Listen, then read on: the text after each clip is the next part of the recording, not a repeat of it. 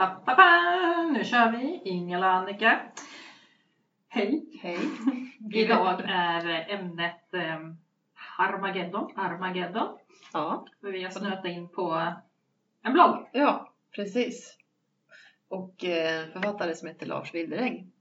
Ja, Jag tipsade Ja. om det förra gången Ja. vi satt och spelade in och eh, ja, du börjar kasta dig över boken. Ja, jag gjorde det. Jag har ju liksom gått med i Storytel eller börjat prenumerera på Storytel och kommit fram till att det är ett fantastiskt bra sätt att äta böcker på. Eftersom man kan göra andra saker, typ städa hemma medan man lyssnar på jordens undergång i bokformat. Medan man städar hemma, det liksom, då Ja. ens egen, egen undergång Ja. så liten i förhållande. Ja, precis. Tvätten känns inte så märkvärdig längre. Nej, nej. Nej, han, Lars Wilderäng som sagt var, det- han började nu med sin och jag blev helt fast i de där böckerna. Nummer två började jag lyssna på men det var för mycket nummer. Ja. Eh, Så då kunde inte jag lyssna på dem. Hur långt har du kommit? Jag har inte vågat börja lyssna på tvåan än. Nej, Jag, jag, jag känner att jag, jag måste smälta ettan först och komma liksom normalisera mig själv. Annars blir jag en sån här total foliehatt som börjar hamstra mat och, och du vet, kolla efter ufon och sådär köpa guld, köpa Ja, silver. typ. Så jag måste liksom komma ner på jorden igen innan jag kan börja lyssna på tvåan. För att inte spåra ur helt.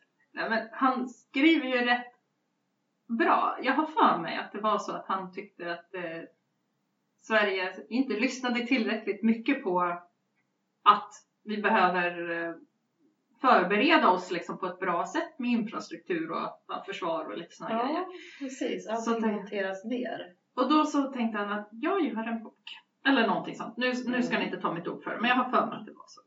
Och Ja. då, den här boken har ju slagit jätte... Ja, precis. Det är stjärnklart. Ja, Första boken. och sen Stjärnfall. Och sen så kom sista nu då som hette Precis. Ja.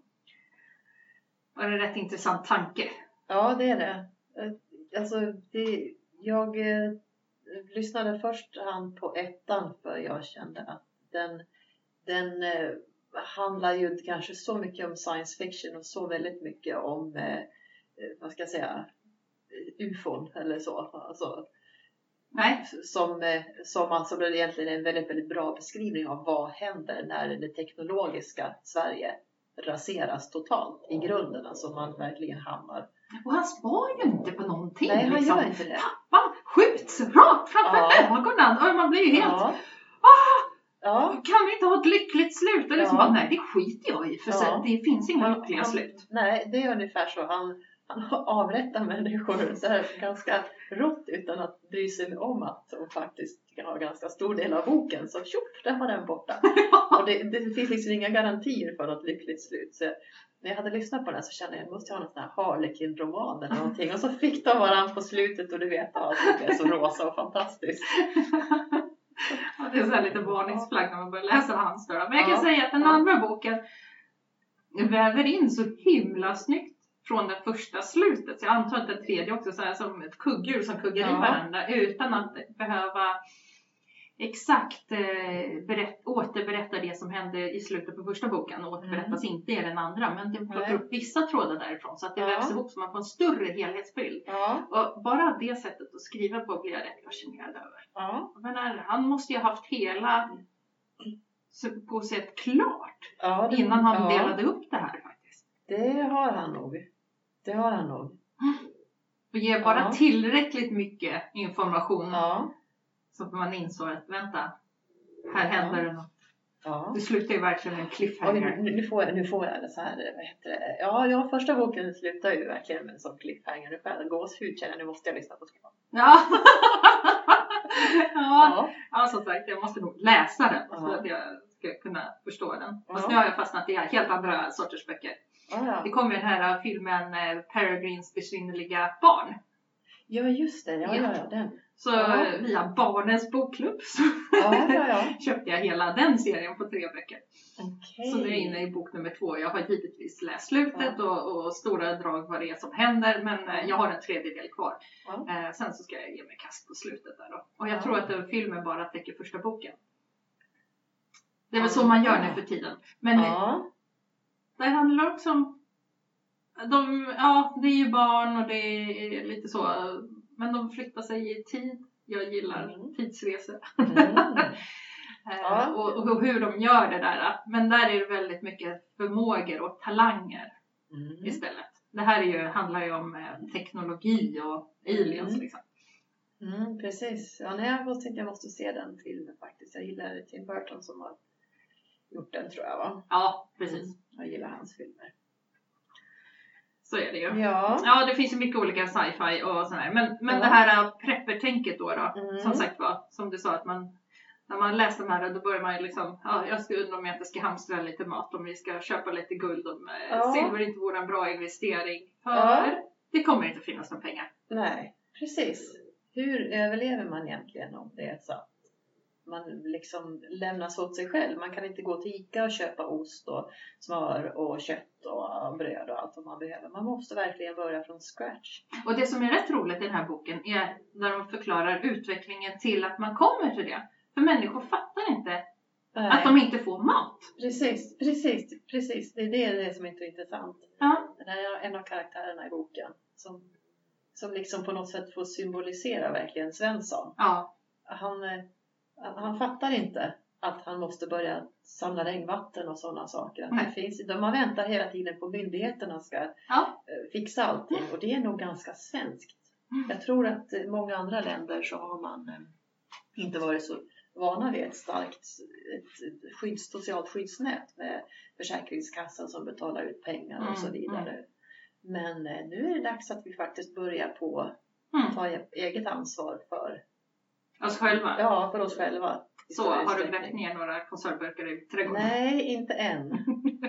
Men du har sett ut en plats? Ja, ja, vi har börjat snacka om hur vi skulle, vart, till vilken stuga vi skulle åka, om vi skulle åka till punkt A eller punkt B. Och, och var vi skulle vara, klara oss bäst någonstans. För det ena stället så ligger vi en väg, det är inte speciellt bra, stor risk för eh, påhälsning av diverse pirater. Mm. Eh, Den andra, men det ligger vid en sjö, så då kan man ju fiska och det är ju fantastiskt bra. Plus att man har fri tillgång på liksom, vatten att rengöra sig. Du har verkligen tänkt? Ja, ja, gud, vi har, ja, ja, ja, ja, ja.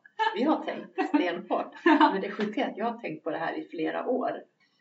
Eh, På något sätt, hur, vad gör vi om, om fjärrvärmen försvinner till exempel? Måste vi tömma hela systemet? För huset kommer ju att bli nedkylt på övervåningen. Mm. Annars spricker ju element och sånt fryser sönder. Och innan det går ner under nollstrecket så måste vi tömma hela, hela huset. Det är ju det att vi har ju inte haft några riktiga katastrofer som min kompis här som är polsk och hennes mormor och farmor, alltså både på mo- mormor och morfars sida och farmor och farfars sida överle- överlevde tack vare att de hade silver eller guld hemma. Mm. Alltså rent silver och rent guld. De tänker kanske på ett annat sätt också, alltså hushåller och den här tanken bara, jo men just ja, Ja, då tömde vi systemet på övervåningen och hela familjen flyttade ner på undervåningen. ja, En sån sak. precis. Det, det slår ju inte oss. Nej, det gör inte det. Det gör inte det. Förrän den gången det blev faktiskt var strömavbrott i 24 timmar och man kände hur elementen svalnade. Ja, Då började man få en sån här liten svag aning. Alltså hur hur mycket stearinljus har vi egentligen hemma? Fan varför laddar vi inte de där?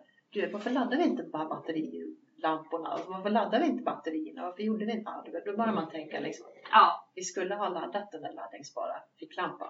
Men han Prepper-karaktären i, i Wilderengs böcker, Ja. han, han, han, är lite overkill.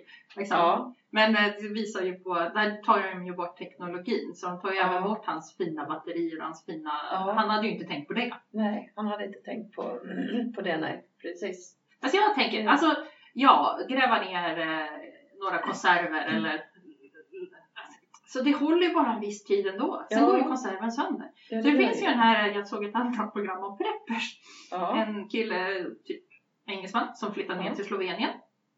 Och eh, har börjat jaga och, och har liksom ett självhushåll. Sådär, och vet att så och så många hjortar finns det i den här skogen och jag kan bara ta en om året. Och, och sådana där saker. Det tror jag faktiskt att man kommer längre på än att gräva ner konservburkar. Jo, det gör man. Det man måste göra kanske är att ha till den här övergången tills man liksom tar sig till den här skogen där man kan skjuta sin hjort. Så måste man kanske ha någon mat på vägen bara. Det har du helt rätt i. Jag Så menar, han levde ju kanske- i sina skjuta Ja, hjort-variant alla redan så att säga. Ja, De hade ju precis. redan kopplat bort vi, banden. vi behöver liksom den här bron över till det här. Vi behöver kanske tänka på att ta så vi klarar oss ett par månader eller ett halvår så att vi får igång Mm. ett fungerande självhushåll på något sätt. Men jag tror ju faktiskt inte att det kommer att bli totalt så i alla år. Alltså en Nej. jordbävning i Haiti händer Ja. på Haiti. Ja. Bara för att det händer på Haiti så går inte internet ner globalt. Nej. Utan någonstans i världen kommer det fortfarande finnas internet. Det finns flyg, det finns båtar, det finns såna här saker. Visserligen tar det en viss tid att kommunicera Ja. vad det är som händer där inifrån. Men jag kan ge mig sjutton på att det är någon som har en satellittelefon och så åker de dit in och kan Ja. rapportera ut. Okej att det tar tre veckor eller något sånt. Men då är det. Ja. Så jag tror att det kommer att vara superhögt ja. högteknologiskt. Mm. Alltså, låt säga om 150 år när vi Ja. har implantat istället för hörlurar och Ja. vad det nu är för någonting. Ja, du såg den här bilden på Apple va? Nej. Ja, det var lite roligt. Nej, men 19, eller 2004 så fick man köpa hörgrejer och 1914 ja, då fick man köpa några mindre hörlurar. Och 19, eller så nu 2016 då, då är de ju bara sådana här ploppar i öronen Ja. och sen så försvinner de ytterligare mer. Ja, det. Och sen så-.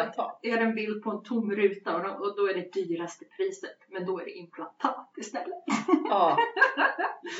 Ja precis, då har du ingen det. Ja. Men jag tror att det är liksom vi kommer att leva med jordbävningar och eh, att vi måste ha silverpengar hemma. Mm. Samtidigt som vi har superteknologiskt och kan beama jaktskott i liksom över hela världen. Samtidigt tror jag. Ja. Men eh, det är ju det att det inte, en katastrof händer ju bara på ett ställe. Det kan ju inte, om det skulle hända hela världen samtidigt, typ Ja. Lars Wilderängs, Ja. då är det ändå några som överlever. Du har läst det utav Stephen King? Nej. Nej, det är samma sak. Ja. Det är ju en sån här sjukdom som sprider sig. Det är några som är immuna och de går och sen så hittar de ju i slutet av boken så hittar de ju på varandra lite grann. Ja, ja, ja. ja, jag har ju sett liknande sådana här eh, Rage eller vad de heter för någonting. Eller hur? Alltså filmer som är 28 dagar senare. Eller Ja, någon, någon, ja, precis. Jo, men jag har sett. Ja. Så jag förstår hela poängen i det hela. Mm.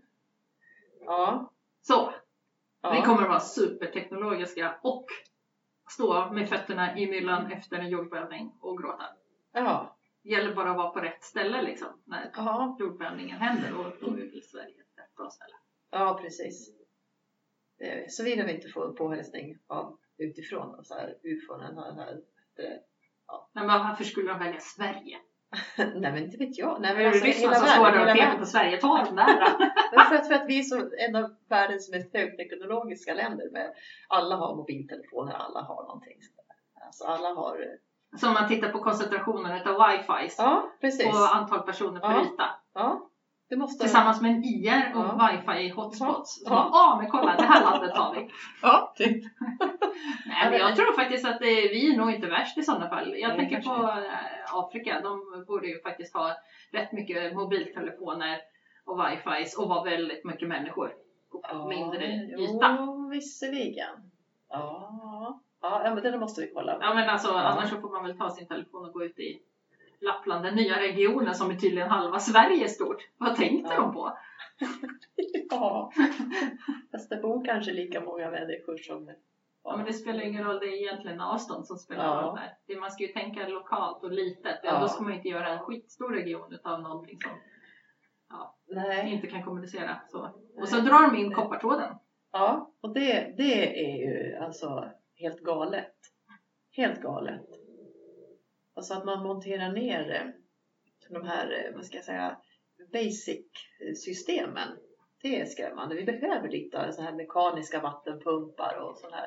Så att vi liksom kan klara Ja, den här infrastrukturen Ja. med el. Och nu Ja. är faktiskt internet och kommunikation en del av infra- infrastrukturen. Ja, det Nog för att eh, man har sålt iväg det till Telia och Skanova Ja. eller något sånt där. Men jag vet inte riktigt. ja. Men om de tar bort kabeln så kan de ju väl lägga dit fiber? ja, men det gör de ju inte. Men det får man ju oftast bekosta själv. Och bor man ute på vischan någonstans så kostar det flera hundratusen. Ja, Ja, det är ett helt eget ämne. ja, Då får vi eh, tacka för idag ja. den här gången. Hej hej! ja. Hej, tack för hej.